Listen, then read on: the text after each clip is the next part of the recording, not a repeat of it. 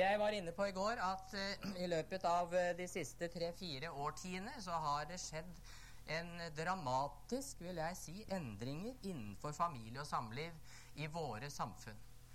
Ikke minst i de nordiske landene.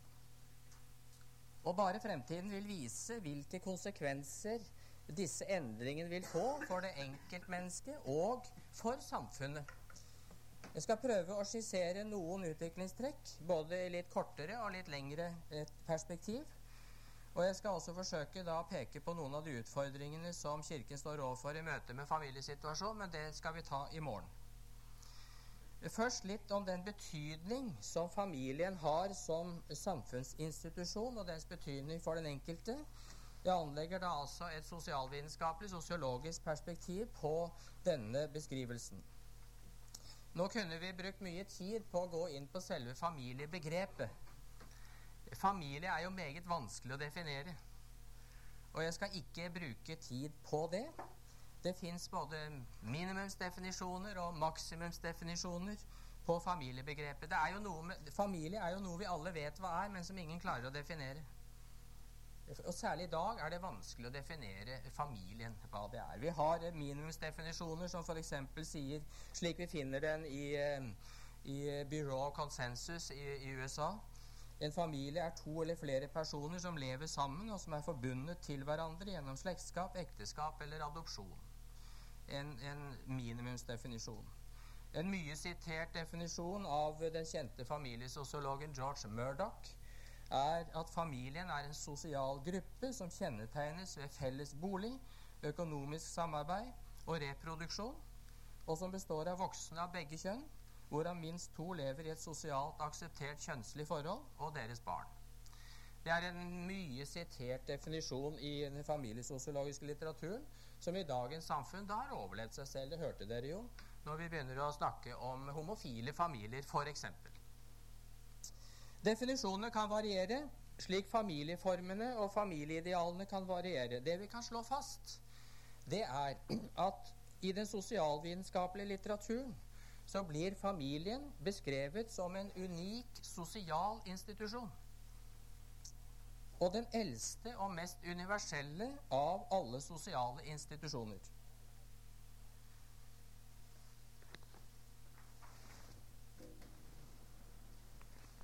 At familien er en sosial institusjon, betyr at den ivaretar funksjoner og oppgaver som må ivaretas for at samfunnet ikke skal gå til grunne. For at samfunnet skal kunne overleve som samfunn. Altså at familien er en grunnleggende sosial institusjon innebærer at den ivaretar funksjoner som ikke kan ivaretas av andre hvis samfunnet skal bestå. Det er det vi legger i at familien er en sosial institusjon, og jeg vil stoppe litt ved denne institusjonstenkningen om familien. Vi vet jo at menneskenes liv i et samfunn er ordnet ved hjelp av slike institusjoner. Staten er en annen, slik, annen sosial institusjon. Økonomien er en sosial institusjon. Alle samfunn har en, sosial, har en religiøs institusjon, osv. Ved siden av familien har vi samfunnet altså institusjoner som ivaretar eh, fordelingen av makt, som er politikken, fordelingen av goder og tjenester, økonomien. Og disse institusjonene de springer altså ut av grunnleggende menneskelige og samfunnsmessige behov. Et samfunn fremtrer i virkeligheten som en sammenvevning av institusjoner og kan bare opprettholdes ved at institusjonene holdes oppe. Og Løsningen av disse oppgavene blir regulert av normer og av sosial praksis. Samfunnet foreskriver hvordan den enkelte eh, skal stille seg til oppgavene gjennom normer for rett og galt, og gjennom innarbeidede mønstre for sosial atferd. Løsningene på disse oppgavene er altså ikke noe som kommer naturlig av seg selv, eller noe som den enkelte kan ordne slik en selv finner det for godt.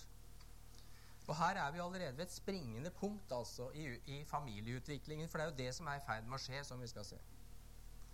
Det er bare gjennom et visst institusjonalisert normfellesskap blant samfunnsmedlemmene at samfunnet kan fungere tilfredsstillende og ikke risikere å gå i oppløsning.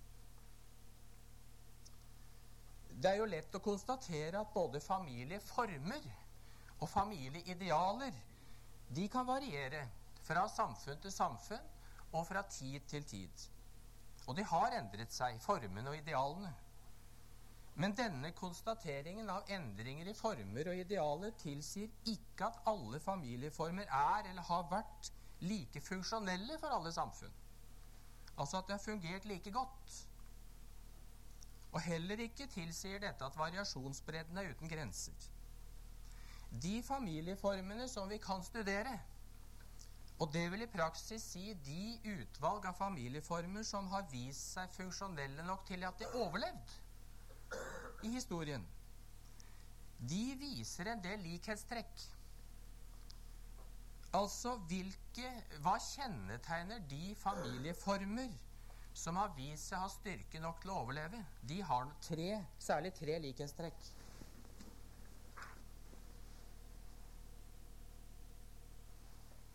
Altså funksjonsdyktige familieformer viser seg for det første ved at familietilhørighet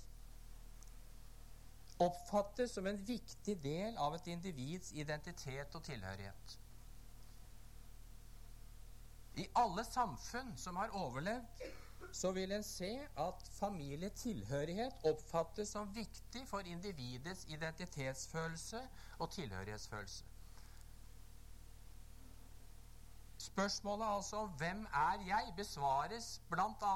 og ikke minst av hvilken familietilhørighet jeg har.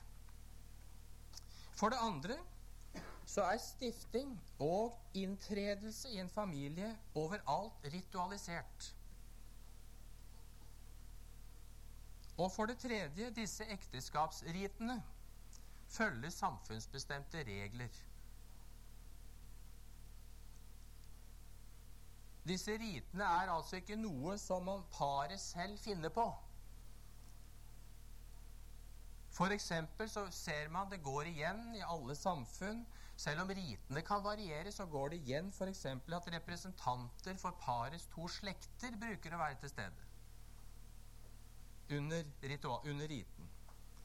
Og Dessuten ser man det går igjen at en representant for samfunnets religiøse institusjon det kan være prest, det kan være sjaman, det kan være så mangt. Eller en representant for storsamfunnet foretar de riter som markerer partenes statusovergang fra enslig stand og til ekteskap. Ja. Litt mer. Hva er poenget med å påvise dette, som altså forskningen har påvist? Jo, det tilsier at familiedannelse Og det er viktig. Familiedannelse oppfattes overalt å være et samfunnsanliggende. Og ikke bare en privatsak. Da George Murdoch, som jeg nevnte i stad, denne kjente amerikanske eh, familiesosiologen, for en del år tilbake studerte alle de 250 samfunn i verden som, på den tid, som vi på den tiden hadde noenlunde sikre data om, så fant han at familieformene nok kunne variere. Og det samme kunne f.eks. For forpliktelsene eh, som man innenfor familien hadde overfor slektninger utenfor kjernefamilien. Men mor, barn, mor-far-barn-forholdet var overalt, fant Murdoch, en sosial enhet som hadde viktige oppgaver. Han fant med andre ord kjernefamilien, den utskjelte kjernefamilie i vår tid, fant han i alle samfunn. Og hevdet følgelig at kjernefamilien er universell. Og det betyr at kjernefamilien slett ikke er en familieform, en ny familieform, eller noen slags borgerlig oppfinnelse. Det betyr ikke at kjernefamilien er den eneste familieformen. Selvfølgelig ikke. Vi kjenner jo masse samfunn, også slik har det vært i vårt eget samfunn, og slik er det fortsatt i mange kulturer, at vi har storfamilien som, kanskje, som en viktig familieform. Altså den utvidede familie, slektsfamilien som det også kalles. Vi skal komme litt tilbake til det. Men i alle samfunn hvor man også har storfamiliesystemet, så finner man at kjernefamilien inngår som en sosial enhet innenfor denne utvidede familieformen. Også i samfunn som tillater å praktisere polygamie, altså flerekteskap, så finner en at de fleste i slike samfunn dog lever i monogame kjernefamilier. Det er ikke den dominerende familieformen polygami, altså. Som for øvrig helt sikkert er på full fart også inn i våre samfunn for øvrig. Jeg, hør hva jeg sier. Jeg spår, og hvis det ikke allerede er debatt om det i Danmark, det er det sikkert. Det er det i hvert fall i Norge.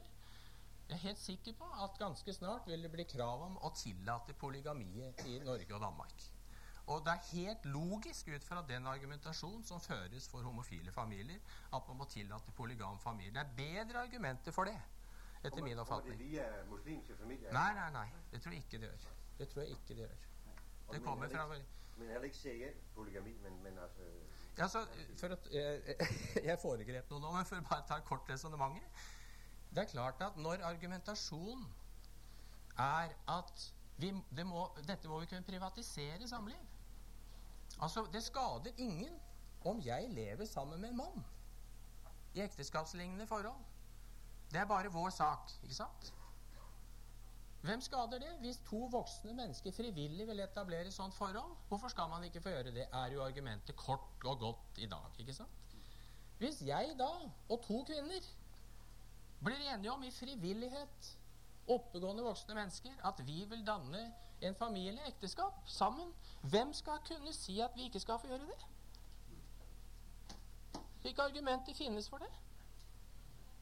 Når man privatiserer dette, eller omvendt to kvinner, én mann. Tre kvinner, én mann.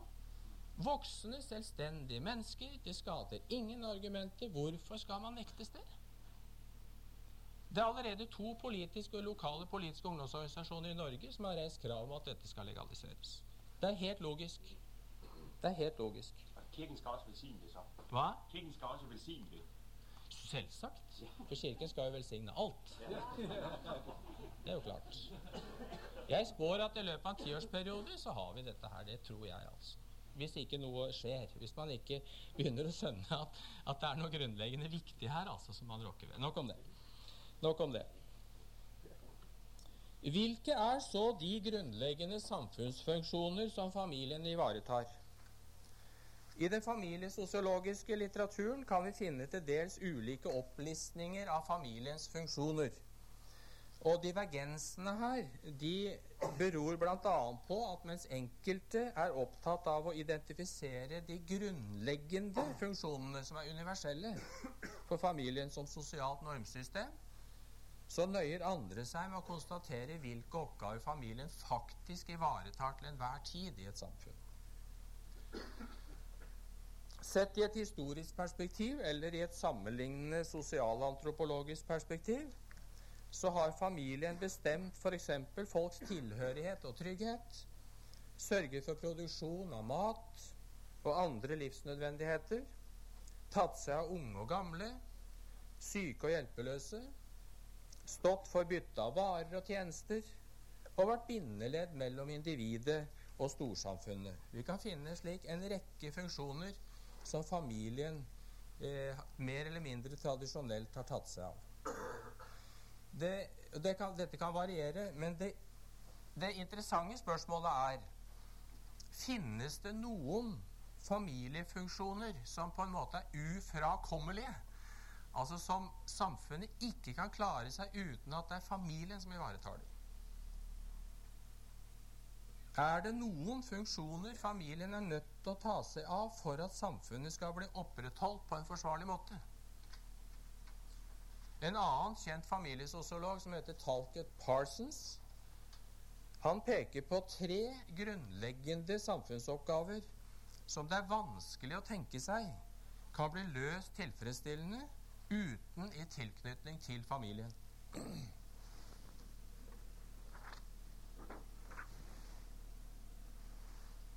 Det er for det første reproduksjonen. Altså sørge for at det blir født tilstrekkelig med barn for at samfunnet skal kunne fungere over generasjonene. Er, vi, vi, opplever det som såpass selvsagt at bare det å stille spørsmålet virker litt pussig, ikke sant? Men det er jo, vi, hvis vi bruker fantasien litt, så vet vi at man godt kan organisere reproduksjonen i et samfunn på en annen måte enn gjennom kjernefamilien. Og spesielt kan vi det i dag, altså. Jeg var, da, jeg hadde, da, jeg var gjesteforsker ved Purdue University i Indiana i USA, så kom jeg over en artikkel av en kvinnelig sosiolog som i ramme alvor foreslo at man nå i det moderne samfunn, eller er det postmoderne heter nå, Kurt, så burde man organisere reproduksjonen på en helt annen måte. Man burde eh, la de kvinner som føler for det, og skal tenke seg å ta jobben, sørge for barnefødslene. Ikke sant? Og det er jo veldig enkelt, Mens de som ville satse sitt liv på yrkeskarriere av kvinner, de skulle slippe det, men likevel skal de selvfølgelig ha barn. Og det kan man enkelt gjøre ved at fikse ved at de får, tar sant, egg fra de yrkesaktive kvinnene. Det besvangres av mannen, settes inn i livmoren til de profesjonelle barneføderne, som fører fra gården ni måneder og føder fram barnet og avleverer barnet til familien. Så er det ordnet. Det er klart. Reproduksjon kan fikses på en annen måte. Hvis man ønsker det. Hva? Ja, så kan de jo føde da. Det går jo for en kvinne som er sterk og oppegående og klarer en 10-12 i hvert fall. Min bestemor fødte jo tolv barn, men det var riktignok med samme mann. Ja. Ja. Jeg mener ikke å snakke fleipete, som vi sier i Norge, kjære kvinner, altså om dette her, men, men det ble ramma alvor. Foreslått som en mulig løsning. Bare for å illustrere at reproduksjon bør ikke nødvendigvis knyttes til familien. Men vi kjenner ingen samfunn som har overlevd uten å gjøre det. Det gjør vi ikke.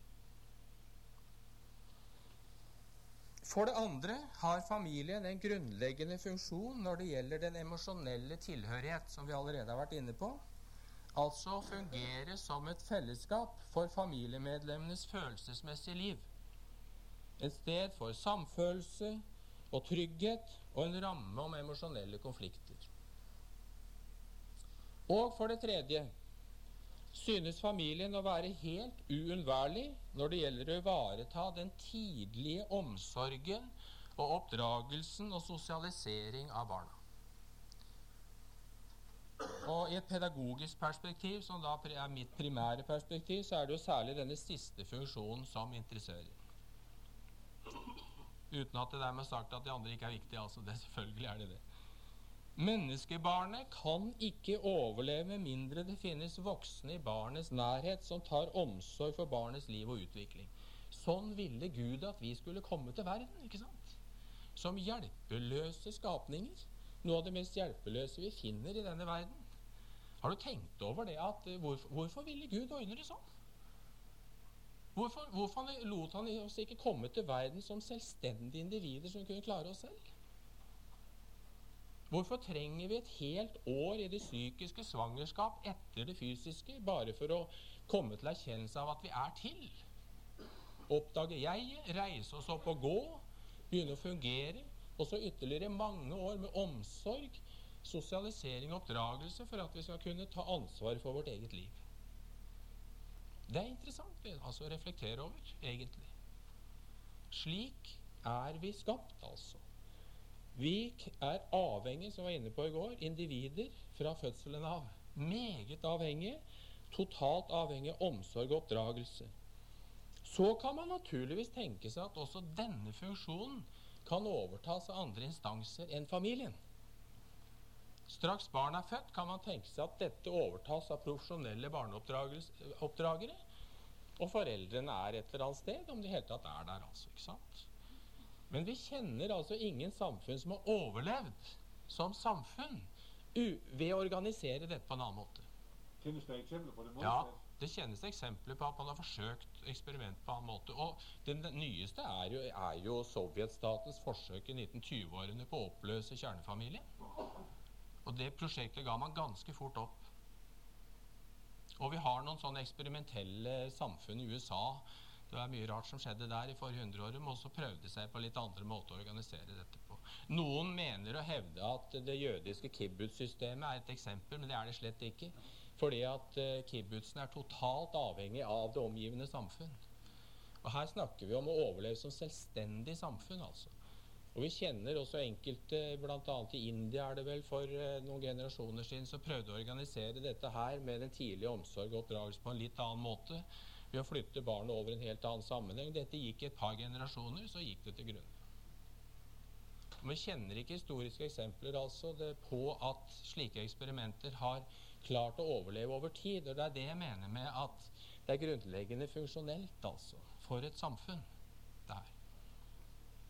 Det, det, betyr ikke at det kan vise seg at noen kan klare det, altså, men til i dag har man ikke i forskning klart å påvise det.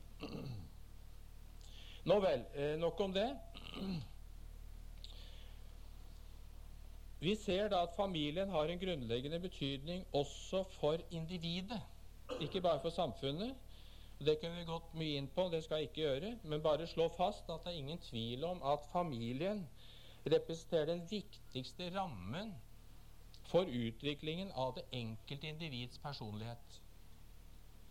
Som hovedarena for barnets liv og utvikling spiller familien en fundamental rolle. Ja, når det gjelder den, de, den del av sosialiseringen som består i å gi barn emosjonell støtte og respons, kjærlighet og ømhet, er familien helt uovertruffen.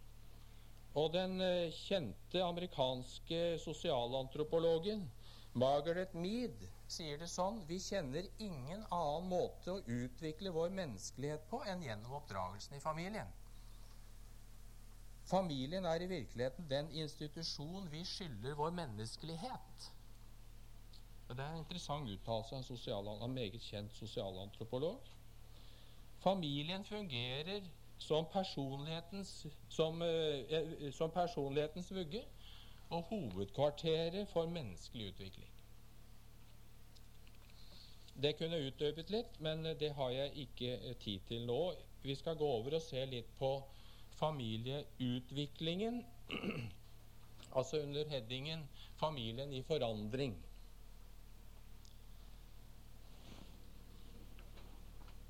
Jeg våger ikke å gjøre mer reklame for egne bøker, men vil du lese mer om familiens betydning for det enkelte individ, så kan du lese en barne- og ungdomspsykologi. Jeg sa ikke hvilken. Så, ja. De store og dramatiske endringene som har skjedd på familiesektoren i vår tid, kan beskrives både kvantitativt og kvalitativt. De kvantitative endringene er velkjente og beskrives jo ved hjelp av demografiske data, altså resultatene av befolkningsundersøkelser. Og Jeg har summert opp noen av de viktigste på, som dere ser foran dere. Vi har sett i løpet av de siste årtiene en nedgang i antall formelle familiedannelser. Eller sagt på en annen måte, da en økning i antall ugift samliv. Eller ugift samlevende. Jeg vet ikke hvilket uttrykk dere bruker på dansk her. Bruker dere samboere på dansk? Ja, det gjør det. Ugift samlevende.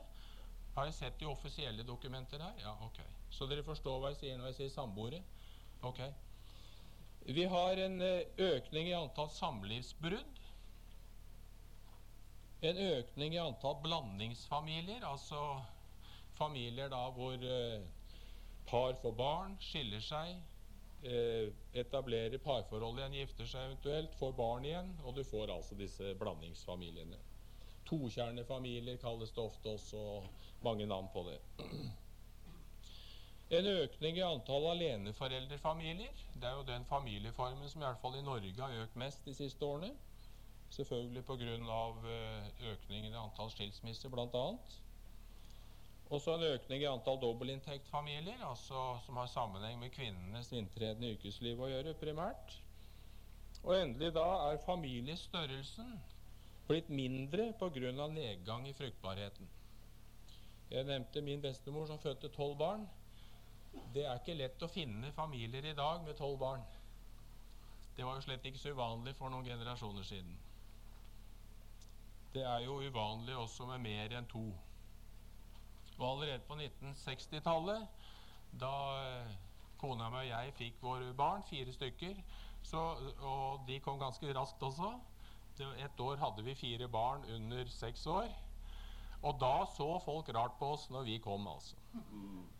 Allerede da, med fire bar små barn. Ja.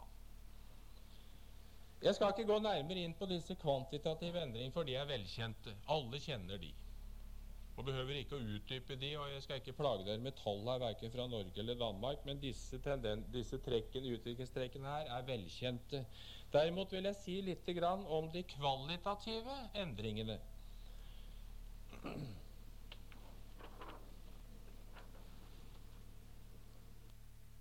System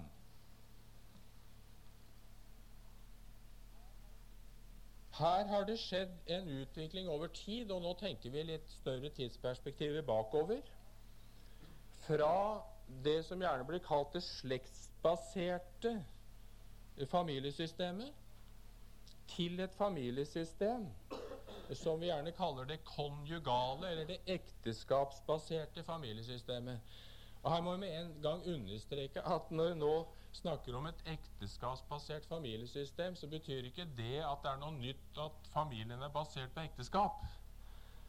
Men det innebærer altså at familien som sosialt system er knyttet opp mot relasjonen mellom de to som danner familie. Mens tidligere hadde vi et familiesystem, slektsfamiliesystemet, hvor familien som sosialt system var knyttet opp mot slekten og hvor den viktigste lojaliteten til familiemedlemmene ikke, faktisk ikke gikk mot ektefellen, men mot slekten. Altså storfamilien. Dette kjenner vi jo fra det gamle bondesamfunnet, ikke sant? Der, eh, der systemet var slektsfamilie. Og hvor altså det ble giftet inn kvinner med denne, med, som gikk inn i dette systemet og ble en del av storfamilien. Det er beskrives i den familiesosiologiske litteraturen som en viktig kvalitativ endring som har skjedd i løpet av noen generasjoner i våre samfunn. Fortsatt finner vi slektsfamiliesystemet i en del andre kulturer, og vi har fått det inn igjen i Danmark og Norge gjennom innvandringen. For i muslimske land så er jo slektsfamiliesystemet meget utbredt. Mens vi har altså fått en utvikling vekk fra dette storfamiliesystemet og til et hvor kjernefamilien er selve systemet, altså. Kjernefamilie finner man også innenfor slektsfamilien. Ikke sant? Denne sosiale enheten for foreldre og barn. Men der går de inn i et større familiesystem. I motsetning til slektsfamiliesystemet så kjennetegnes den konjugale familie ved at begge ektefellene forlater oppvekstfamilien når de gifter seg. Ikke sant? De stifter egen familie, sier vi. Det er i hvert fall et uttrykk i Norge. Og danner det vi kan kalle, eller det man i faglitteraturen kaller prokreasjonsfamilien. Altså den familien jeg selv danner. De fleste av oss er jo medlemmer av to kjernefamilier i løpet av livet. Den vi er født i og vokser opp i, oppvekstfamilien. Og hvis vi selv danner familie, så lager vi en prokreasjonsfamilie, hvor vi selv får barn. Ved, denne, ved at man stifter egen familie, trer ut av slektsfamiliesystemet og danner da denne konjugale familie, så overføres de viktigste lojalitetsbåndene fra slektsfamilien til kjernefamilien. Altså Det er den utviklingen vi har hatt. Og Dette er veldig viktig utviklingstrekk som har hatt klare konsekvenser for familien, som vi skal komme litt tilbake til. Det konjugale familiesystemet innebærer at familieenheten er kortvarig, i motsetning til slektsfamilien. Oppvekstfamilien ikke sant, den opphører å eksistere når foreldrene dør. Når dine gamle foreldre dør, så oppløses Da er oppvekstfamilien oppløst. Da selges ofte huset, ikke sant? Eh, møblene, alle, alt det man hadde i oppvekstfamilien, blir fordelt mellom barna, og den eksisterer ikke lenger. i slektsfamiliesystemet, så levde dette videre. Ikke sant?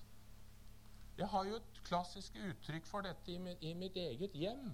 Og jeg har to flotte norske sånne bondens framskap, som vi kaller det i Norge, som har stått på den gården hvor min mor ble født, i generasjoner. Tilbake over til 1700-tallet. Men nettopp min mors generasjon var den generasjonen hvor slektsfamiliesystemet der oppe i Trøndelag gikk til grunne. Sånn at når oppvekstfamilien der ble oppløst, så spredte man også alle møblene på gården, alt sammen til barna. Og så har jeg arvet igjen etter henne. Og Det er på en måte noe vemodig å gå og se på de skapene, for jeg tenker at her er et helt familiesystem. Det er et uttrykk for at helt familiesystem har gått til grunne. Altså. Strengt tatt burde de stått fortsatt på den gården. og på den annen side så syns jeg ikke det. Fordi dette systemet det eksisterer ikke lenger. Det var rettferdig at det ble litt fordelt. Nok om det. Slektsfamilien er på en måte udødelig. I praksis er den ikke det. Den viser seg å ikke klare å eksistere så veldig mange generasjoner, fordi den jo er avhengig av at han far sjøl, som vi sier i Norge, altså the head of the family, som gjerne var en mann, og som vi ser i muslimske slektsfamiliesystemer, er en mann som er toppen i dette familiesystemet. Det forutsetter at han er en dyktig person. Hvis ikke han klarer å styre denne familien skikkelig, så går den til grunne. Og Det har vi sett i det norske bondesamfunnet, og så jo stadig, at hvis det kom en, en ung gutt da, som overtok gården og ikke var dyktig nok, så kunne hele slektsfamilien opphøre. Ved at gården gikk til grunne. Jeg skal ikke gå nærmere inn på det. Det konjugale familiesystemet innebærer at de følelsesmessige forholdet mellom mann og hustru blir meget viktig. Fordi hele familiesystemet baserer seg jo på følelsene mellom de to. Og Derfor ser vi jo at i vårt samfunn, som baserer seg primært på konjugalt familiesystem, er familien meget, meget sårbar.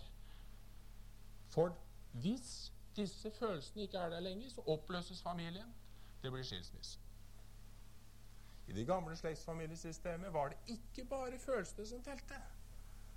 Det kunne til og med tenkes at de var ikke, engang, det var ikke det viktigste. Vel, det var viktig at jeg var glad i jenta som jeg giftet meg med. At jenta var glad i denne drengen. For all del. Og det var de veldig ofte, selvfølgelig. Men det var også meget viktig at gården ble opprettholdt. At grunnlaget for familieøkonomien ble opprettholdt. At lojaliteten to the head of the family ble opprettholdt.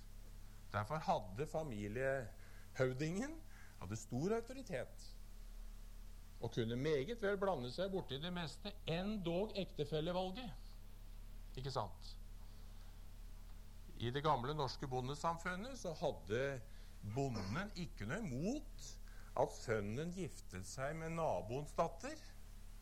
For da kunne man jo slå sammen de to gårdene til å bli en enda sterkere økonomisk enhet og sikre familiekontinuiteten.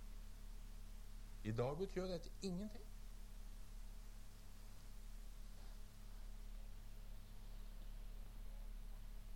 Det konjugale familiens uavhengighet av slekten innebærer dessuten at kjernefamilien og slekten vil være til mindre hjelp og støtte for hverandre i det daglige liv enn tilfellet var i det slektsbaserte familiesystemet.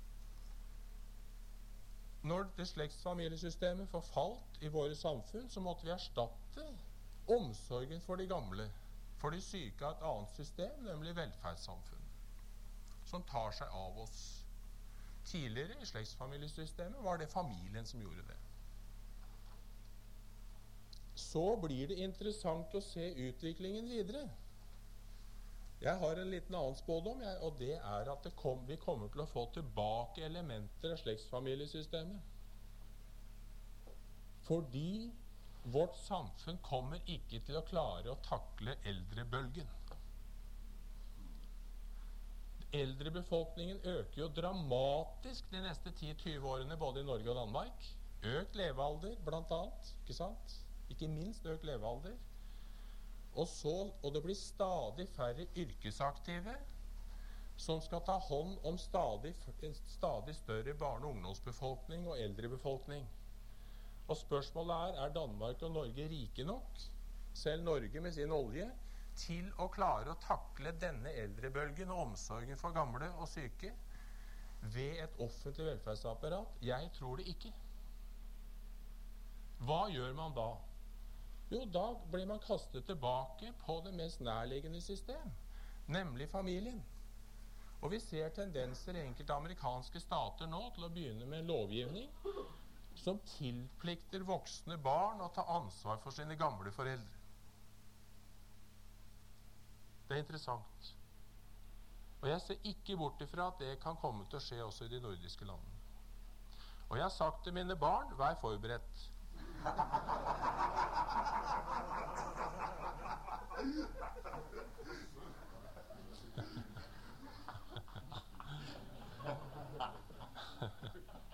Du ler, du. Jeg har investert ganske mye i bolig til min datter. En stor bolig.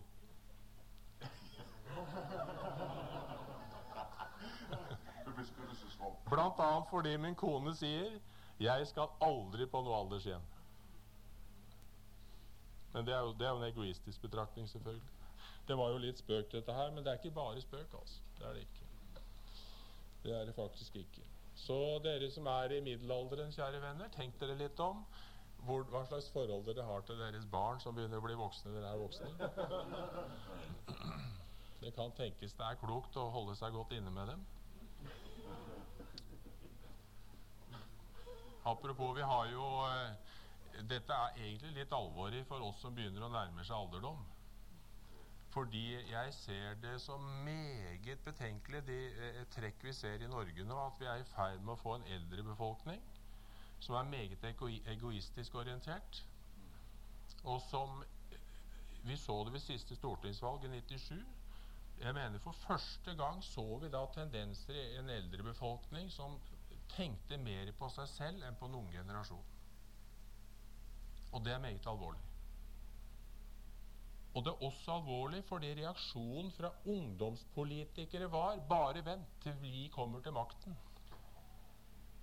Så skal vi ta igjen. Overfor denne dessertgenerasjonen som jeg representerer, som altså eh, som er i ferd med å skal grafse til seg alle mulige goder og sørge Vi driver jo og setter milliarder på fond i Norge for at jeg skal få pensjon. Og man kan jo spørre seg burde vi bruke en del av de milliardene på barn og unge? Og forholde oss til dem på en sånn måte at de blir motivert for å ta hånd om meg når jeg blir gammel og trenger omsorg. Eller forholder vi oss sånn til dem at de slett ikke blir det? Og det er en grunnleggende sosiologisk erkjennelse dette her, at man må motivere barn for familieomsorg. Det er også noe som tilligger kjernefamiliens grunnleggende funksjon. altså. Det kunne vi snakket mye om, men tida løper fra meg her. Forferdelig fort den tida går. Og eh, vi burde vel kanskje ta en pause der, så får vi se hvordan det går. Vi får, vi får kutte bakfra, som journalister eller, bruker å gjøre. Skal vi ta pause der, Asgeir? Ja. Mange av de utviklingstrekkene som vi har eh, så vidt vært innom her nå, kunne vært interessant å analysert nærmere, men jeg skal konsentrere meg om det som går på samlivsforhold, og ikke minst privatiseringen av samliv. Jeg kommer til å konsentrere meg om det, for personlig mener jeg at det er et av de områdene som, hvor det særlig brenner i dag. Og jeg har litt, også vært mye opptatt av det i løpet av de siste par årene, fordi jeg eh, da eh, den såkalte KrF-regjeringen kom til makten i Norge for et par år siden, så, eh, så fikk jeg den skjebne at jeg ble satt inn i et offentlig utvalg av eh, Valgeir Svarstad Haugland, som eh, ble familieminister fra KrF. Den forrige regjeringen hadde oppnevnt et utvalg som skulle utrede hvor langt vi i Norge bør gå i, i å samordne ekteskapslovgivningen til samboerforhold. Altså hvor langt man skal lovregulere samboerforhold. Altså på en måte gjøre det analogt med ekteskap. Og dette var veldig ensidig sammensatt i utvalget, og så ble jeg, da var jeg dum nok til å la meg overtale til å bli, satt inn i det utvalget etter at jeg hadde jobbet et år. Og det var jo en stor opplevelse å komme inn der, naturligvis. Og ikke minst oppleve de fordommer man ble møtt med. Det var jo veldig interessant. Selvfølgelig. Men det var interessant å være med der, selv om man da ble stående alene med en rekke standpunkter etter hvert. Men det gjør jo ikke så veldig mye. Det er jo en god tradisjon i Norge for å hevde med Ibsen at den som står alene, står sterkest. Og i hvert fall er det en trøst når man står alene. Ja. Men i den sammenhengen så ble jeg da nødt til å jobbe mye med dette spørsmålet om eh, samboerforhold og samlivsform og ugift samliv. da, Og hvordan man skal oppleve og oppfatte det. Og vi skrev en eh, stor utredning med, som er i og for seg mye verdifull kunnskap. Det, kan godt få tittelen av meg for de av dere som er interessert i den. Nok om det. Jeg, eller Mye tyder på, etter min oppfatning, at familieutviklingen som har skjedd i løpet av de siste årtiene, har sammenheng ikke bare med, eh, med samfunnsøkonomiske og strukturelle forhold, men også har sammenheng med ideologiske forhold. Og Det ser ut til at det har skjedd endringer i folks dominerende verdiorienteringer, deres ideer om normer og tro, som i neste omgang har fått konsekvenser for folks forståelse av det gode liv. Og I den sammenhengen eh, vil jeg trekke fram to faktorer som jeg så vidt var inne på også i går, som etter min oppfatning har også virket inn på familieutviklingen. og Det gjelder for det første den økonomiske vekstideologien, og for det andre frisettingen og individualismen. Den kulturelle og moralske frisettingen. Den økonomiske vekstideologien kjennetegnes jo ved den tanke at teknologisk utvikling og materiell rikdom er mer verdifullt enn tradisjonelle verdier og livsformer. Og Individualismen dreier seg om den tanke at personlig frihet og velferd er viktigere enn hensynet til fellesskapet. F.eks. hensyn til familien og familiekontinuitet. Den økonomiske vekstideologien har skapt et samfunn der det ytelsesorienterte arbeidsliv blir sett på som det egentlige liv. Jf. at det å realisere, begrepet 'realisere seg selv' i stor grad er et spørsmål om å bidra i, arbeids, i, i altså yrkeslivet. Det er primært det er å realisere seg selv. Verken en mann eller kvinne realiserer seg selv i samme grad ved å ta ansvar for barn i familie og hjem f.eks. Det er ikke på samme måte forstått som å realisere seg selv. Selvrealisering er jo et stort og kjent begrep i, i dagens samfunn. I et sånt eh, samfunn så blir produksjonskapasitet kanskje det viktigste målet på menneskeverd. Alt blir vurdert etter produksjon, forbruk eller arbeid, fritid. Familielivet blir ensidig knyttet til den private fritids- og forbrukssfære. Og I slikt samfunn preget av sånne verdier er det logisk at omsorg for barn, og for den saks skyld barnets menneskevei, blir redusert. Og Denne ideologien har skapt et samfunn der forbruk og forbruksstimulerende påvirkning utgjør helt dominerende innslag i vår hverdag. Jf. reklamen, som vi, som vi overøses med i alle sammenhenger. Kommersialismen får fritt spillerom. Stadig flere områder får vare- og markedskarakter. Hele språket vårt blir preget av produksjonstermer, marked, vareproduksjon osv. Selv innenfor uh, skole- og oppdragelsesterminologien hjemme i Norge f.eks. så man, bruker man nå sånne termer og begreper. Og sannelig gjør vi ikke også langt inn i kirkelige sammenhenger. Konsum blir selve meningsperspektivet på livet, og i slikt samfunn er det naturlig at yrkesaktivitet utenfor hjemmet blir mer verdsatt enn omsorgsarbeid i familien og at omsorgsyrkene i samfunnslivet, yrkeslivet, hører til de minst verdsatte, bokstavelig talt, og dårligst betalte. Hvorfor skulle ikke en førskolelærer tjene like godt som direktøren i Norsk Hydro? Hvem gjør det viktigste arbeidet? Det, må, det kan, spørsmålet kan man godt stille. Hvorfor skal man tjene så uhorvelig mye, penger, mye mer penger ved å sitte og flytte på papirer i forhold til å ta omsorg for mennesker? Hvorfor skal lærere, barnepleiere, sykepleiere være de lavtlønnede i våre samfunn? Jeg har fire barn. En av mine sønner gikk inn i computervirksomheten. Meget dyktig. Han tjener nå uhorvelig mye penger. Så penger betyr ingenting for det, altså. Og det gjør det ikke heller. Det skal sies til hans ros. Og jeg tør ikke å si hvor mye han tjener. Men han kunne i og for seg når som helst hatt en jobb i USA og tjent tre millioner i året hvis han ville. Og jeg har en sønn som er lærer, som altså har en lønn som gjør at den nesten ikke klarer seg. Det er i min familie og virkelighet. Hvorfor skal det være sånn, kan man spørre. Jeg tror det er et uttrykk for at det er en økonomisk vekstideologi som dominer, er veldig dominerende i vår kultur. Individualismen kommer til uttrykk ikke minst i privatiseringen av familie- og samlivsspørsmål.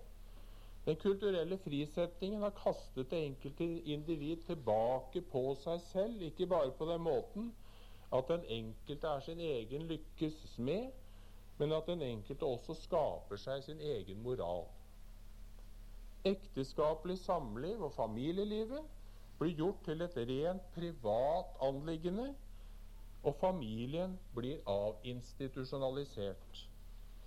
Og denne avinstitusjonaliseringen av familie og samliv og privatiseringen av samliv er, vil jeg hevde, langt på vei politisk villet. Det er ikke noe som har skjedd av seg selv.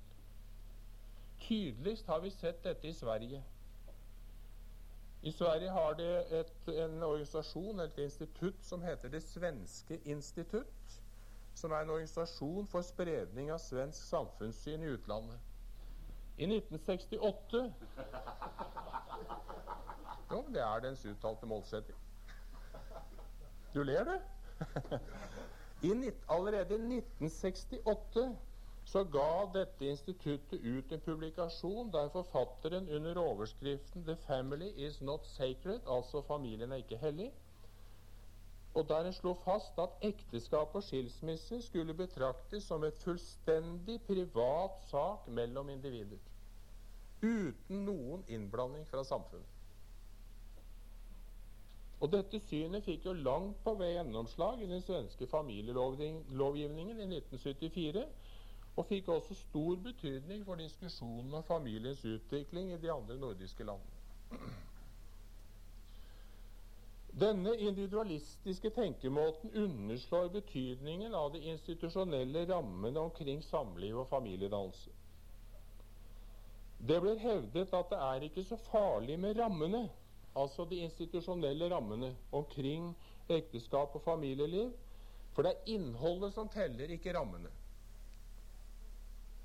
Altså, det er følelsene, det, er vi, det vi føler for hverandre, som teller. At vi er glad i hverandre. At to mennesker elsker hverandre, det er det viktigste. Og det er jo naturligvis forferdelig viktig. Selvfølgelig. Konsekvensen av, av når man tar konsekvensen etter synet, er at den oppfatningen har vunnet fram at det spiller ingen rolle å etablere seg et ordnet, formelt inngått ekteskapelig samliv. For det som betyr noe, det er ikke disse rammene, men det er det vi føler for hverandre. Det, det viktigste er følelsene og holdningene vi har til hverandre, ikke om vi er viet til ektefolk, er en dominerende holdning i dag, og som vi møter vel alle sammen langt inn i våre egne familier fra unge mennesker i dag.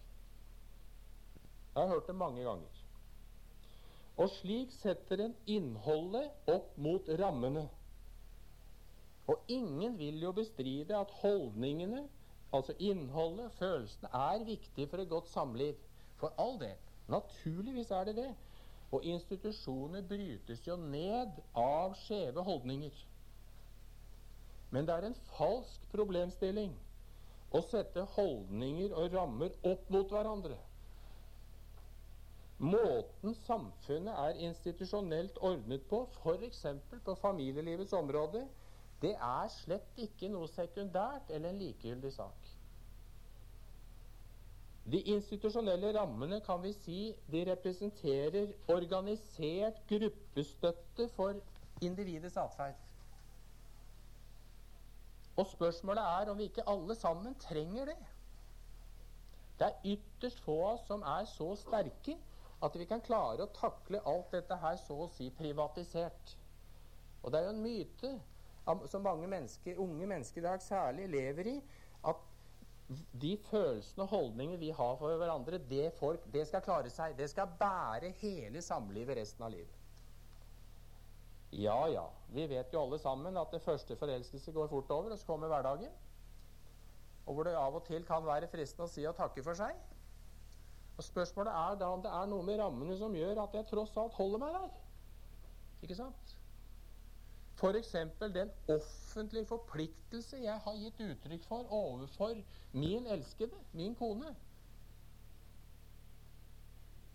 Jeg skal si litt mer om det. Jeg skal komme litt tilbake til det.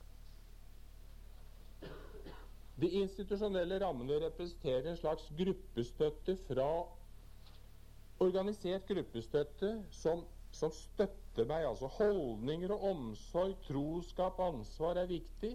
Men holdningene trenger den støtten som institusjonen gir for å kunne opprettholdes. Den norske etikeren og MF-professor Ivar Asheim, som mange av dere kjenner, ikke minst Kurt selvfølgelig, han har påpekt at uten institusjonelle rammer forfaller ofte innholdet, dvs. Si holdningene. Og I lys av institusjonssosiologien er det grunnlag for å hevde at det er i aller høyeste grad nødvendig å ta vare på rammene.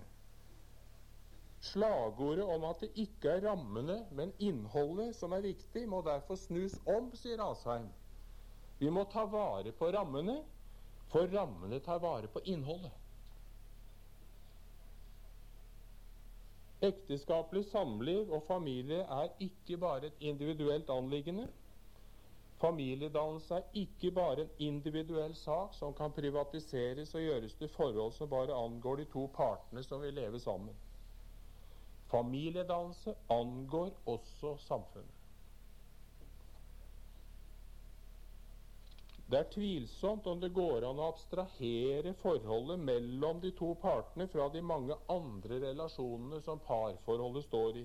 Og det dreier seg jo ikke minst om forhold til barn men også til relasjonene til slekt, naboer, venner som også, og samfunnet som helhet.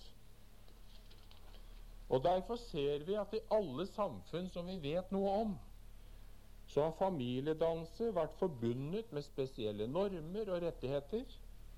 Og som vi har sett, institueres familiedannelsen gjennom et samfunnsbestemt rituale der mannen og kvinnen offentlig bekrefter at de vil leve sammen. Altså det løftet de har gitt hverandre privat, ikke sant, om at vi vil gifte oss, vi vil leve sammen, rettere sagt resten av livet, blir offentlig bekreftet og så å si, skal vi si godkjent, eller satt sitt stempel på av samfunnet gjennom dette ekteskapsritualet. Og det tragiske som har skjedd, i våre samfunn, det er at vi ikke har klart å forklare for vår ungdom at dette er viktig. Og der må vi ta inn over oss enormt store forsømmelser i vår undervisning, både i kirke, skole og samfunn. Etter min oppfatning. Og jeg tenker på mitt eget liv da jeg selv giftet meg i 1960-årene. Jeg hadde ingen sterke forestillinger om betydningen av det institusjonelt opprettede ekteskap. Naturligvis fordi noe annet var ikke aktuelt. Det var dette skulle gjøres. Vi tenkte jo ikke gjennom hvorfor. I dag er vi nødt til å fortelle ungdom hvorfor. Fordi i dag er det normale blitt å ikke gjøre det. Og da er det ikke nok å komme jeg, Unnskyld, jeg, ikke misforstå meg nå, men da er det ikke nok å komme og si at Guds ord sier det. Det er ikke nok. For det overbeviser veldig få. Vi må også forklare dem hvorfor er dette Guds gode ordning. Vi må bruke kunnskap. Er det, det har vel noe med apologetikk å gjøre, Kurt? Har det ikke det? I aller høyeste grad. Vi må ikke ta for gitt, men vi må forklare det. Og all empiri, all erfaring, viser jo at Guds gode ordning er god. Den er jo ikke gitt oss for å gjøre liv vanskelig for oss. Den er jo gitt oss for å verne om det gode liv. Vær så god. Ser du hovedårsagen til,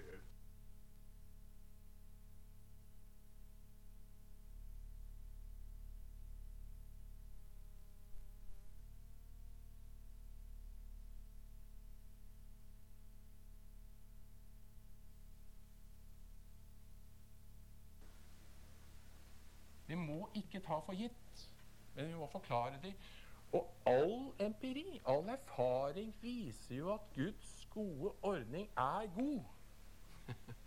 Den er jo ikke gitt oss for å gjøre livet vanskelig for oss, den er jo gitt oss for å verne om det gode liv.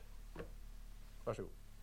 ser du hovedårsagen til, at uh, så mange lever på papirløst sammen, at de er klar over, hvilken betydning det har å være absolut Ja, øh, gift? ja.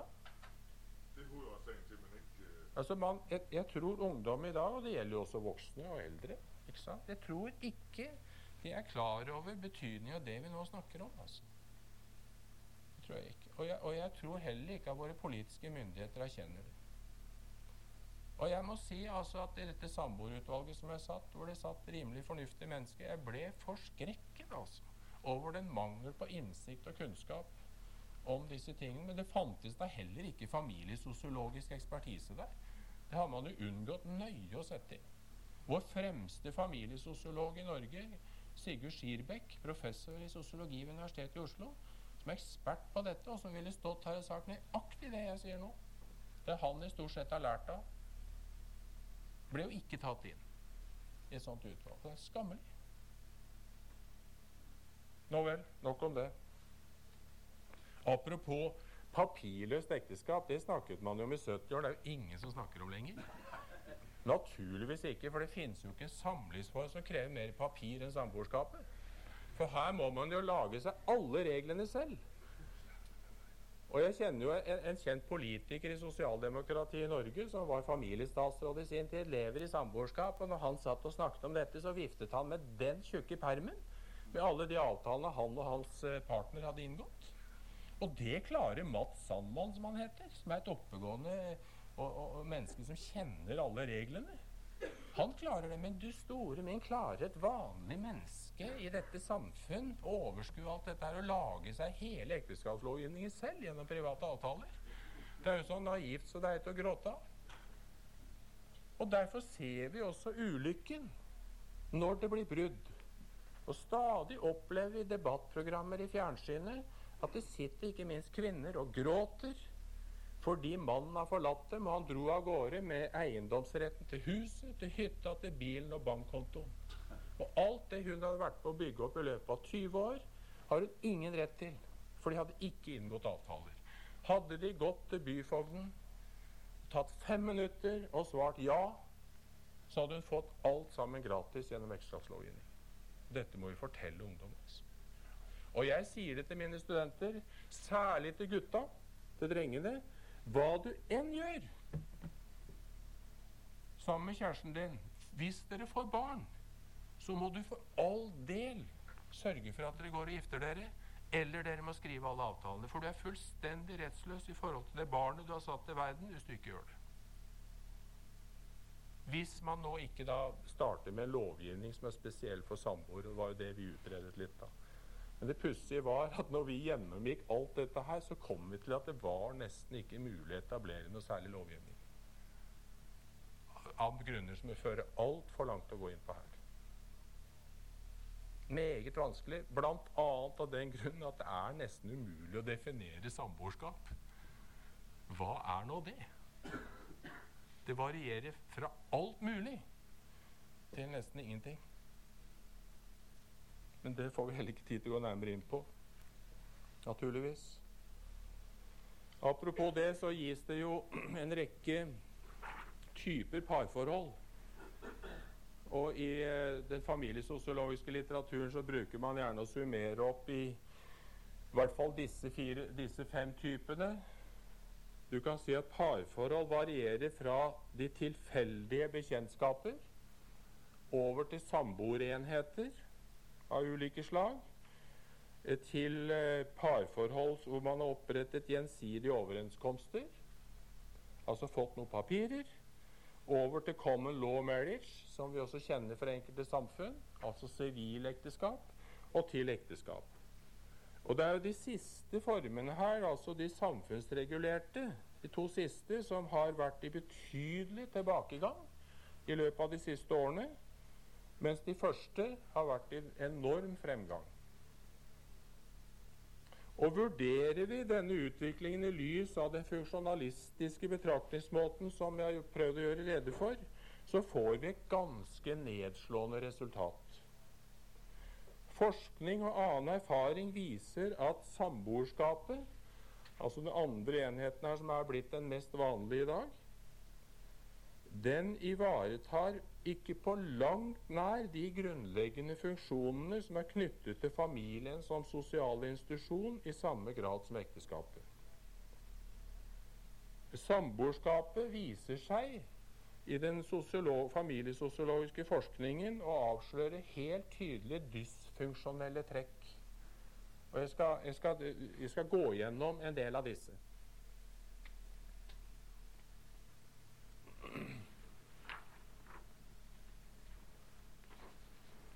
Ja, jeg tar alt på en gang, så får dere følge med etter hvert. så får dere følge med. For det første så finner en, og det er jo kanskje det viktigste, at samboerforhold er vesentlig mindre stabile enn ekteskap. For norske samboende par er risikoen for samlivsbrudd ca. fire ganger så stor som for gifte par.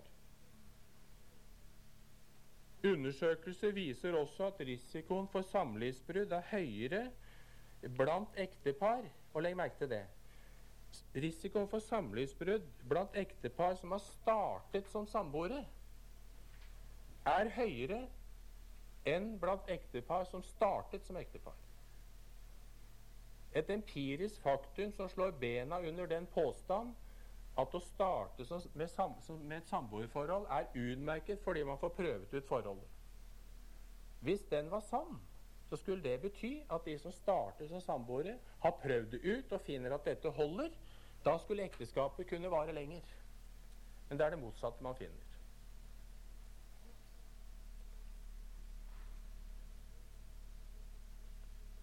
Den større risiko for brudd, og det er også meget viktig, gjelder også for samboere med barn. Her er overrisiko for brudd noe i overkant av tre ganger så stor, altså nesten like stor som for samboere uten barn. En finner dessuten langt større tendens til at barna er helt små ved foreldrebruddet blant samboere enn blant gifte. Altså i den alder da barna mest trenger begge foreldre. For det andre er omsorgsmønsteret for par med barn forskjellig etter foreldrebrudd for gifte og for samboere. F.eks. er tendensen til at mor får den daglige omsorgen etter foreldrebrudd vesentlig større blant samboere og blant gifte. Og Det er jo ikke overraskende. Videre har samboerforeldre sjeldnere felles foreldreansvar, og de har sjeldnere avtalt samværsordning enn gifte foreldre.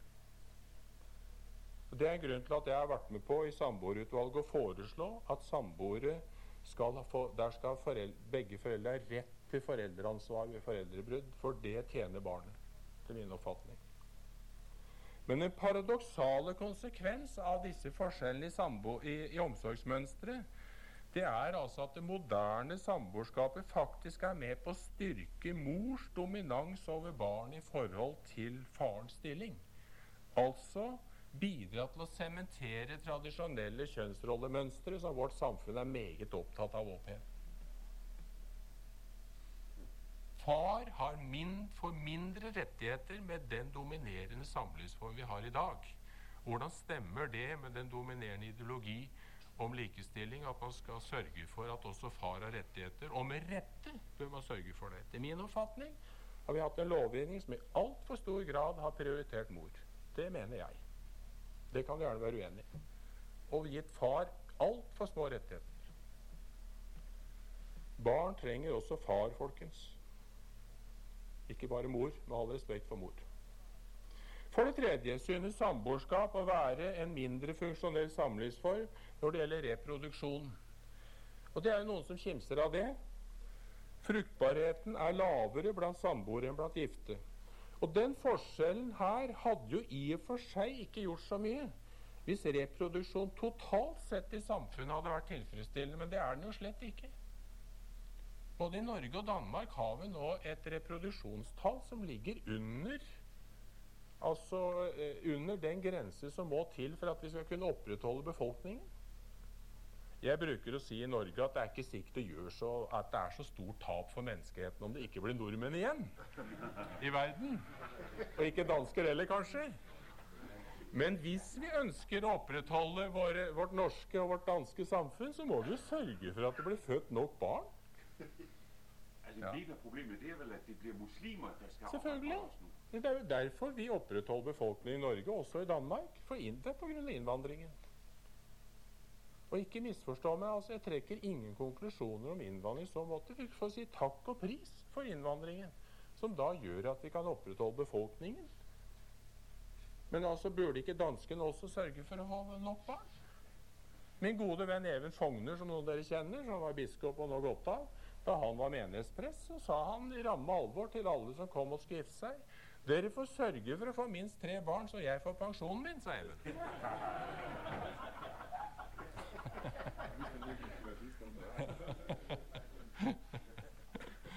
ja. Men, men hvor, hvor mye lavere er fruktbarheten i de der forholdene? nei, tallet husker jeg ikke nå, altså, men den er lavere blant samboere. Ja, den er lavere.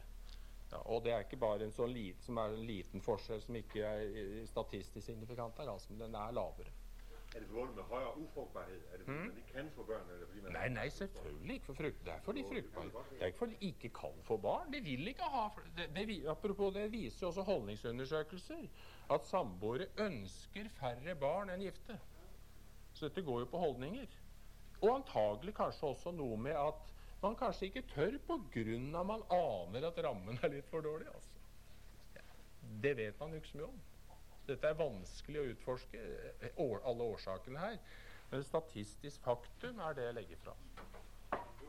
OK. ok. Jeg må skynde Ja.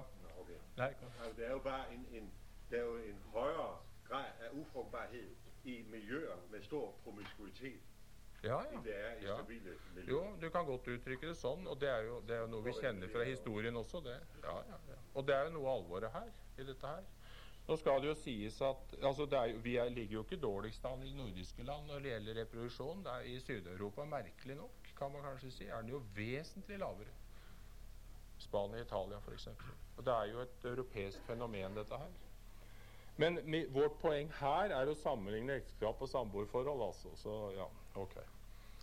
For det fjerde var vi kommet til nå, tyder undersøkelser, særlig fra USA, på at samboerforhold representerer en mer utrygg familiesituasjon for kvinner enn i ekteskapet. Data fra USA viser en vesentlig høyere frekvens av vold mot kvinner begått av kjærester og tidligere kjærester fra ugifte forhold sammenlignet med i ekteskap.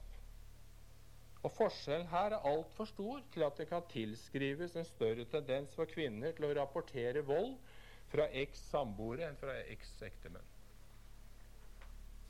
For det femte kan vi konstatere viktige psykologiske forskjeller mellom samboere og ektepar. Samboere oppfatter ikke seg selv som en enhet i samme grad som gifte, viser undersøkelser. De har en mer individualistisk, rimeligvis, holdning til samlivet og kjenner seg mindre forpliktet på familieinstitusjon og ser på parforholdet som mer usikkert og risikabelt. Dette er undersøkelser som viser, altså. Man har prøvd å undersøke holdningene blant folk. De, de altså kjenner seg mindre forpliktet, og det er jo ikke unna rart i det hele tatt. og kjenner seg mer usikre, og at de tenker, opplever at de lever et mer risikabelt forhold. Og Erfaringer fra familierådgivning tyder på at oppløsningsviljen melder seg raskere hos samboerpar enn hos gifte. Erfaringen viser også at det er mye større rom for konflikter ved oppløsning av parforholdet og, og ved lange samboerforhold endog med barn enn ved tilsvarende situasjon for ektepar. Altså konfliktene ved oppløsning blir større. Noe som antagelig har sammenheng med at den tidligere uklart sam, definerte samboersituasjonen gjør det at det blir mange flere spørsmål som det må forhandles og reforhandles om når man skal bryte samlivet. Det er altså duket for større variasjon av virkelighetsoppfatninger ved ved samboerbrudd enn ved brudd i ekteskap. Og Videre er det i dag sjelden å møte personer som begrunner valget av samboerskap ut fra politiske ideologiske grunner, slik vi opplevde i 70-årene. Da var det jo en ideologi her om at man ønsket, ønsket andre samlivsformer av ideologiske grunner.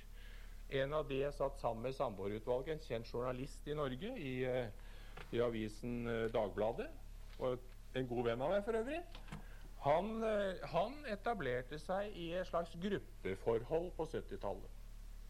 Av ideologiske grunner.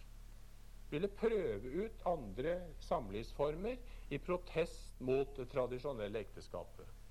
Og holdt jo ut i dette her i en del år, og lever nå glad og lykkelig i ekteskap. I monogamt ekteskap. Samboerforhold begrunnes i dag ikke av politiske ideologiske grunner, men snarere med at man ikke vil binde seg så tidlig, eller ikke gifte seg før man virkelig føler for det, som det heter. Vi får vente med å gifte oss til vi føler for det.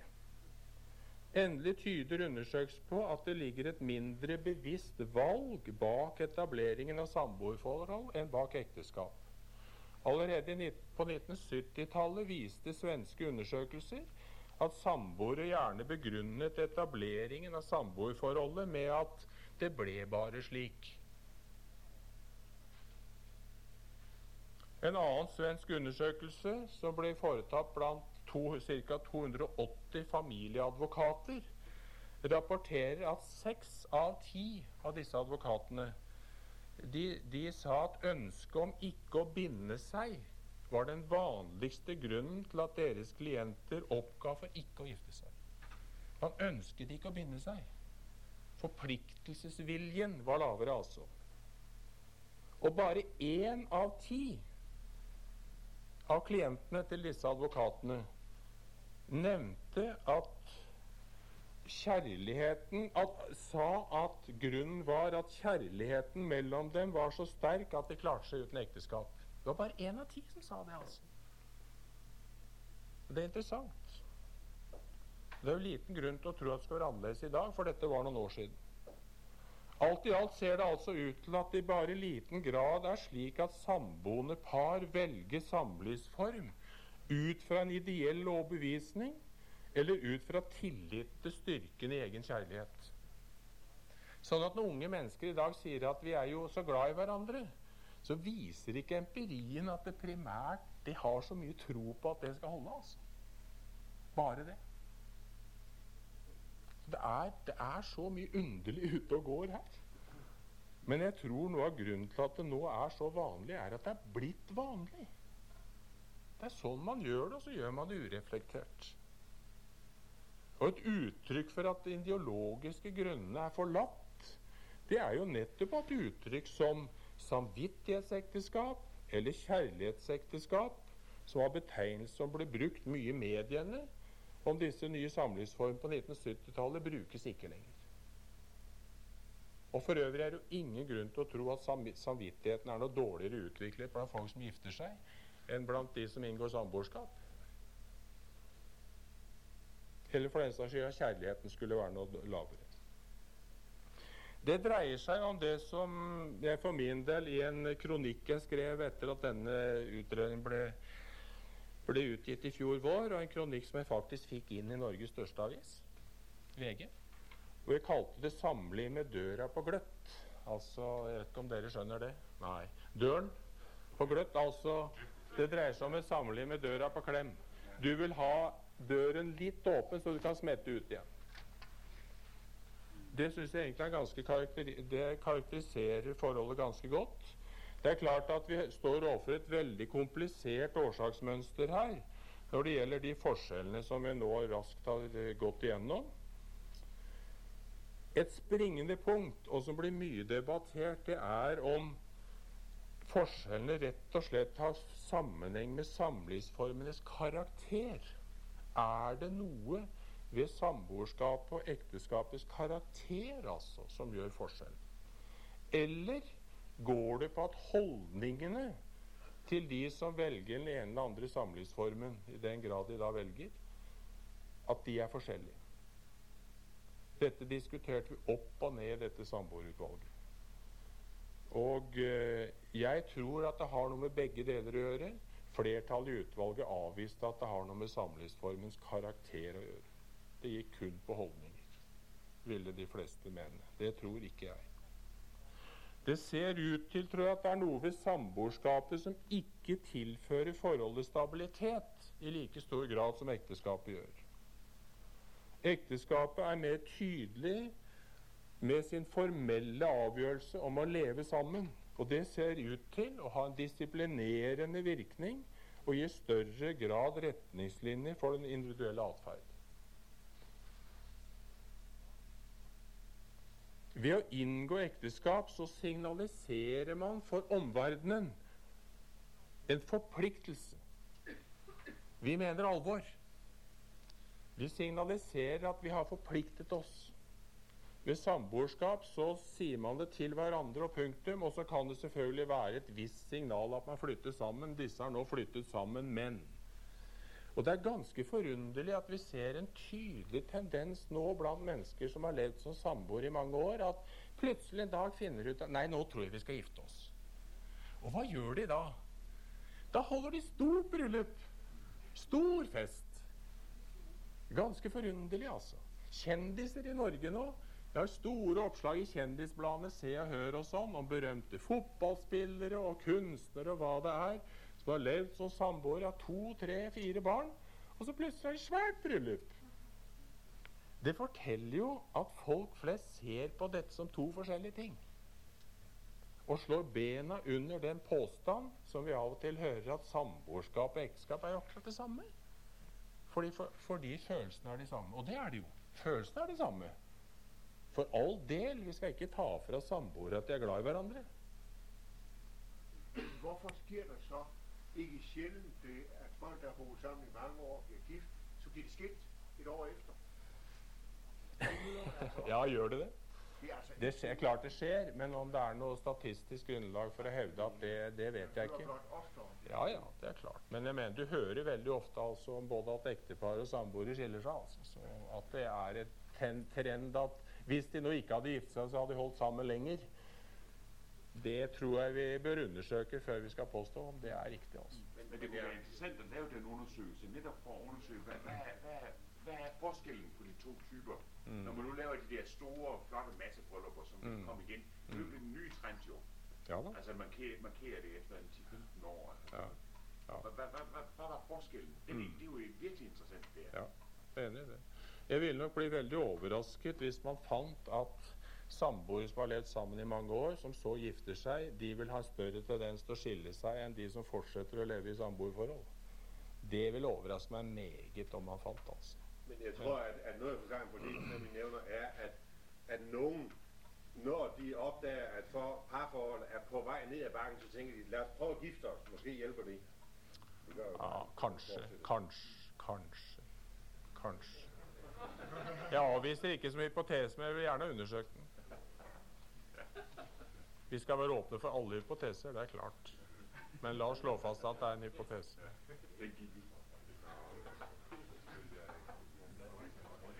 Der er vel også en, en mulighet i, at når man blir gift som ung, og meget ung, for lang tid for mange år siden, så var det forældrenes fest.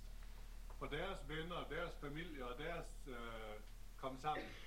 Når så man holdt sølvbryllup, så holdt man selv festen. Så var man blevet 25 år ældre. I dag er levestandarden blevet så meget større, så man kan holde sølvbrylluppet 10-15 år før som et bryllup. Ja da. Det er sikkert mange grunner. Folk vil gjerne ha en fest. Det er klart, og det er veldig flott. For all del. Jeg har jo slått til lyd for at i Norge burde vi ikke bare staten yte bidrag til begravelser, burde yte bidrag også til brylluper. For å inspirere Vi trenger jo ikke inspirere folk til å bli gravlagt. Men vi trenger jo vitterlig å gi insentiver til at de skal gifte seg. Ja. Mogens, kan ikke du ta med deg dette Folketinget? Er du ikke her? Ja, akkurat.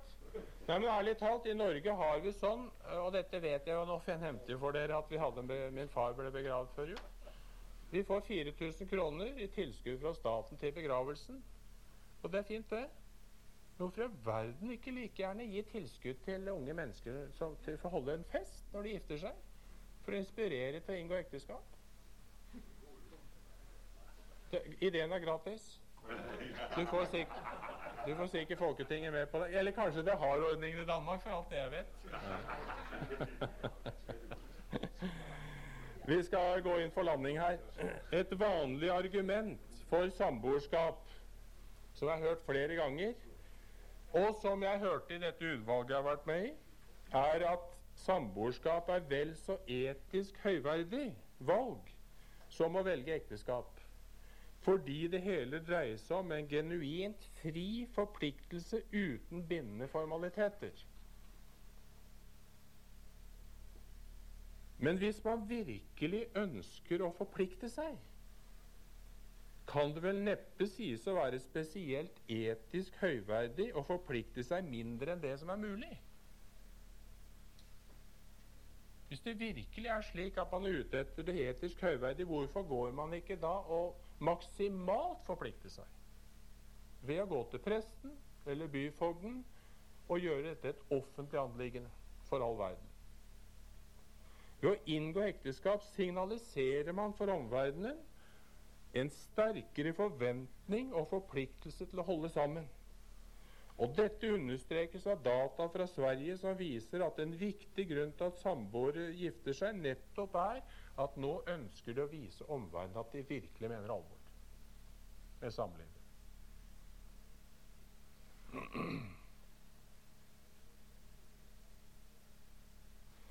Eh, en kollega i, uh, nei, i uh, Verdikommisjonen, som jeg nevnte i går, professor Stein Ringen, som for øvrig har skrevet en glimrende liten bok Den burde du få tak i, Kurt. Som heter Forfatteren heter Stein Ringen. Jeg tror han for tiden er den eneste nordmann som har professorat ved University of Oxford i England. Uh, han er professor i sosiologi og statsvitenskap. Der han ga ut en bitte liten bok i fjor, uh, i 1988, som het The, The Family in Question.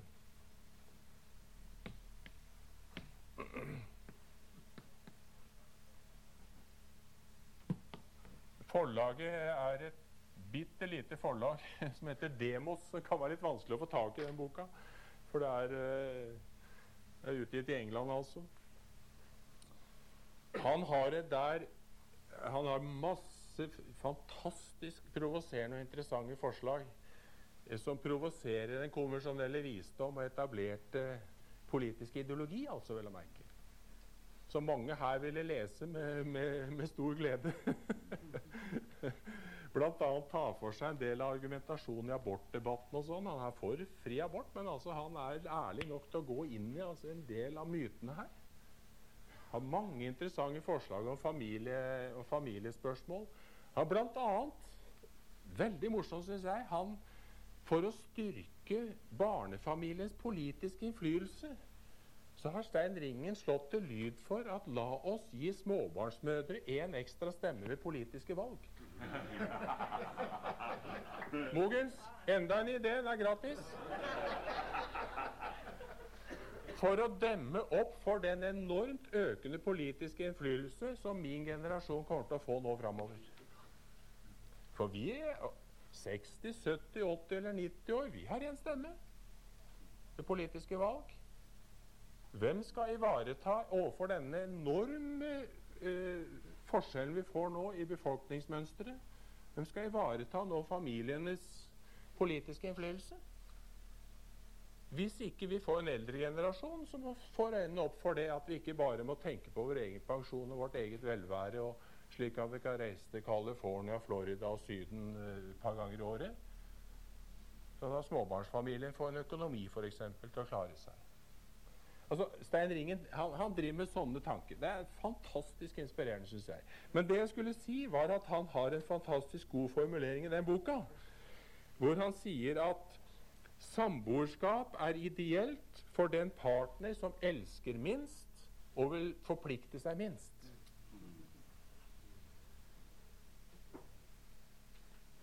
Når problemene oppstår, så blir samboerskapet, sier Stein Ringen, skurkens unnskyldning og den avhengiges bane. Skjønte dere det? Ja. Ikke sant? Vi var jo ikke gift. Så den som vil dra ut av forholdet, bare drar. Hør her, vi har ikke gifta oss, vi. Så sitter den som fant seg i å leve i samboerskap, men som kanskje helst ville gifte seg, sitter tilbake. For vi skal huske på at og jeg skal, jeg skal straks avslutte. Så også Stein Ringen påpeker det er all grunn til å tro at hvis vi ikke mobiliserer også politisk ved å prioritere ekteskap i lovgivning, i økonomi, i skattelovgivning osv., så, så kommer samboerskapet mer og mer til å bli en dominerende samlivsform. Og hvorfor det? De, der begge ønsker å gifte seg, så gifter man seg. Der begge ønsker å leve i samboerskap, så velger man samboerskap. Der den ene ønsker å gifte seg, men den andre ikke ønsker det, hva blir det da? Det blir ikke ekteskap. Selvfølgelig ikke.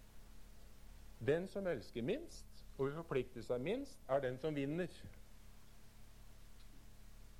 Setter man ikke inn tiltak her for å motivere ungdom til å gifte seg, så vil dette mer og mer øke i omfang. Og spørsmålet er ønsker vi den utviklingen. Det er det vi må stille oss som samfunn, altså. Og med det tror jeg skal avslutte og ikke plage dere med synspunkter på dette spørsmålet om man bør lovregulere samboerforhold. Det er bare å nevne for dere at det er ett land i Europa, og en eller annen grunn er det også her Nederland, som er et ganske forunderlig land altså, når det gjelder familiespørsmål og samlivsspørsmål. De har gått lengst i å lovregulere ugift samliv gjennom en lov om registrert partnerskap som ble gjort gjeldende fra 1.1.1998, og som gjelder ikke bare homofile, men også heterofile parforhold. I Nederland har man dermed tre forskjellige måter som par kan velge å regulere sitt samliv på. Ekteskap, regulert partnerskap og samboerskap. Jeg skal ikke gå inn på, på detaljene i denne lovreguleringen, men et offentlig registrert partnerskap innebærer at forholdet blir regulert av lovverket, og i prinsippet så er rettsvirkningene nøyaktig det samme som for ekteskap.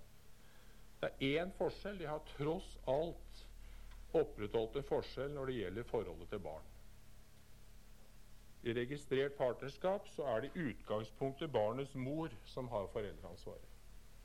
Ellers er de så likt som det bare går an. Man møter opp hos en offentlig instans og sier ja at man vil leve sammen. Uten at det altså ekteskap det er snakk om. Så man kan jo spørre hva er vitsen? altså, Hva er hensikten? Det viser seg jo også, det viser også at det er veldig få som gjør bruk av dette. Hvorfor skulle de det? Det er nemlig noe som vi kom til også i samboerutvalget, at når vi i liten grad konkluderte med vesentlige tilpasninger av ekteskapslovgivningen til samboerforhold, så var det fordi at folk velger jo å leve uten å være gift. Og da må vi ikke tre lovgivning nedover hodet på dem. For hvis de ønsker den lovgivningen, så kan de gå og gifte seg. Og jeg tror at det er viktig å opprettholde forskjellen og ikke late som om at samboerskap og ekteskap er det samme. Det er nemlig noen også i kristne sammenhenger mener jeg, da, som har falt for den enkle tanke at det er viktig nå å sørge for å lovregulere samboerskap så langt som mulig, og nærmest tvinge dette til å bli et ekteskap. Men der tror jeg faktisk at vi skal la friheten rå for det at du tvinger ikke folk på dette området her, men du må fremover hele forskjellen. Det er en forskjell. Og derfor bør vi anbefale å velge det beste. Og ikke prøve gjennom miksfakserier i lovgivningen og late som at det er, lik, det er like ting når det ikke er det. altså. Og Dermed tror jeg også vi må fortelle folk konsekvensen av å velge samboerskap. De risiko de, de eh, lever i ved å gjøre det. Og velger du nå på død og liv absolutt ikke å ville gifte deg, så sørg for all del, må vi si, for å etablere avtaler som regulerer forholdet i tilfelle det skulle bli samlivsbrudd. Og fremfor alt hvis det blir barn. Det var mitt budskap. Og at vi også i kirkelige sammenhenger da skal si litt om i morgen, tar opp disse spørsmålene, underviser om de, forteller folk hva ekteskap og samlivsforhold er, og at vi våger å anbefale. Og at vi også som politisk samfunn gjør det. Og der er det en lang vei å gå å få politikere med. Naturligvis fordi at samfunnsautoritetene her i stor grad gikk jo i forveien. For noen år siden hadde vi en familieminister som levde i samboerforhold, og jeg må si jeg var utrolig fristet til å provosere den familieministeren til å si det. Hør her, burde ikke du gå og gifte deg? Og jeg angrer. Om, om homofil partnerskapslov i Norge så bedyret alle politikere at homofil partnerskap var noe annet enn ekteskap. Og vi ser, Ikke lenge etterpå ser vi at medienes språkbruk er denne. Man snakker om at Anne Holt, som er en kjent kriminalforfatter i Norge Hun var justisminister i den forrige regjeringen for øvrig. Hun har nå giftet seg med sin Tine, en annen kjendis i Norge. Inni her står det at de har inngått ekteskap. De skal ikke på bryllupsreise. Altså Det er jo det er terminologien, ekteskapets terminologi, som brukes. Den har helt slått igjennom på no time i mediene. Og Det skal bli interessant å se nå hvordan politikerne vil reagere på dette når nå spørsmålet om adopsjonsrett for homofile kommer opp. Om, som man også sa konsekvent nei til. Det gikk bare et par år, så gikk dominerende krefter innenfor sosialdemokratiet i Norge inn for adopsjonsrett for homofile par. Og man da vil fastholde at det er forskjell på partnerskap og ekteskap. Mediene har for lengst slått fast at det er det ikke. Og hvor er vi som kirke i dette? Det får vi diskutere senere. Takk for meg.